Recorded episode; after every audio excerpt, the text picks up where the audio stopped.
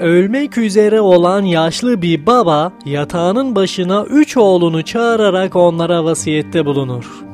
Oğullarım ben ölünce birbirinize düşmemeniz için size sahibi olduğum 17 deveyi paylaştırmak istiyorum. Miras olarak develerin yarısını büyük oğluma, üçte birini ortancaya, dokuzda birini ise küçük oğluma bırakıyorum der.'' Babalarının ölümünden sonra mirası babalarının vasiyeti uyarınca paylaşmak üzere kardeşler bir araya gelirler fakat bir türlü işin içinden çıkamazlar. Mirası babalarının istediği gibi pay edemezler çünkü 17 sayısı ne 2'ye ne 3'e ne de 9'a bölünemiyor.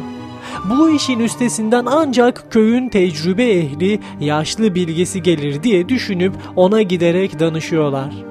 Bilge kişi benim bir devem var onu da alıp yeniden hesap yapın ondan sonra işinize bakın der.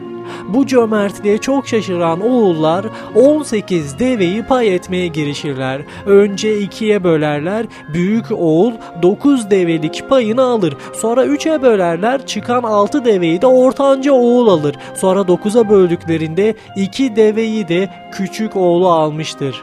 Ama bütün develeri paylaştıktan sonra ortada fazladan bir deve kalır. Yine oğullar bu duruma da bir çözüm getirmesi için yaşlı bilgeye tekrardan başvururlar.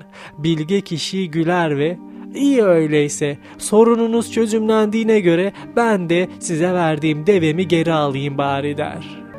Değerli dinleyenler bilge kişi tıpkı bilgi gibi katalizör olarak olaya girer. Çözümü sağladıktan sonra da olaydan çıkar. Sorunu çözmede insanlara yardımcı olur ama kendinden de bir şey kaybetmemiş olur. Özellikle sevgi ve bilgi verdikçe azalmayan, daha da çok artan, tükenmez özelliğe ve güzelliğe sahip olan şeylerdir. Bu nedenle bilginizi, sevginizi, tecrübenizi kendinize saklamayın.